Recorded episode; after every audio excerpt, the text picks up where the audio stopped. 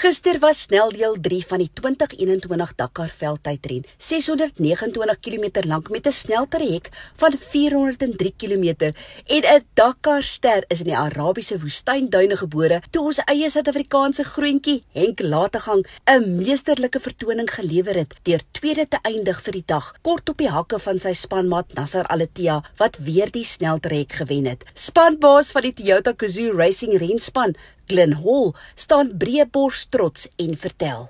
A really big stage today, uh, not at all what we expected. Uh, 400 Ks with lots of rocks, there was no mention. But great news for the Toyota Gazoo team with uh, Nasser and Matthew coming through, winning, open the road and gaining four minutes on Stephen Peter Hansel. Navigation was tough. Matthew was absolutely perfect. Uh, Carlos, uh, he got lost 37 minutes, so a bit of a challenge for him. But I think the big news, honestly, is uh, Henk and Brett second overall, two and a half minutes behind uh, Nasser and Matthew. What a fantastic day for the team. So first time we've had one and two for a long time, and uh, everybody's very happy here in the bivouac. Ek laat te gaan wat al twee keer die Suid-Afrikaanse veldren kampioenskap gewen het en nou deelneem aan sy eerste Dakar. Vertel nederig en kalm hoe dit met hom en sy navigator Brett Cummings gegaan het. Ja, lekker dag vir ons. Baie lesse geleer op die eerste 2 dae. Wat ons nou 'n bietjie kan vat en ons kan kan daai lesse vat wat ons geleer het. Baie skoner dag vir ons. Uh, dit het baie makliker gevoel. Ek dink jy mens kan sê enige dag in die Dakar is regtig maklik nie, maar dit was dit was meer gemaklik in die kar en ons was rustiger en ek dink dit het lekker gewerk. Vir ons Suid-Afrikaanse Dakar legende Janiel De Villiers was dit weer nie 'n goeie dag in sy Hilux nie. Ja, nog 'n moeilike dag. Jy weet, dit lyk my net die dinge wil uh, heeltemal reg gaan vir ons nie. Ons het agterste drive shaft failure gehad vandag van die duine en ons het toe vasgesit.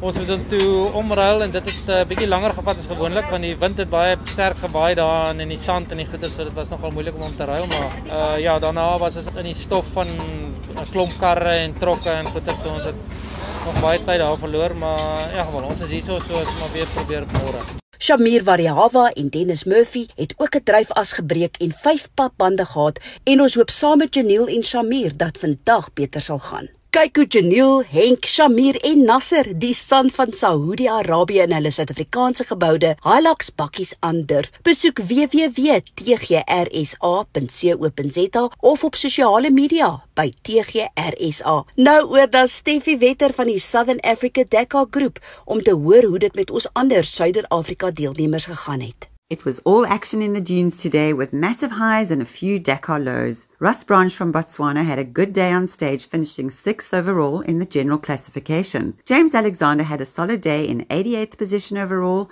after a shaky start getting lost on the way to the special stage, but a Dakar legend came to the rescue. Here's James.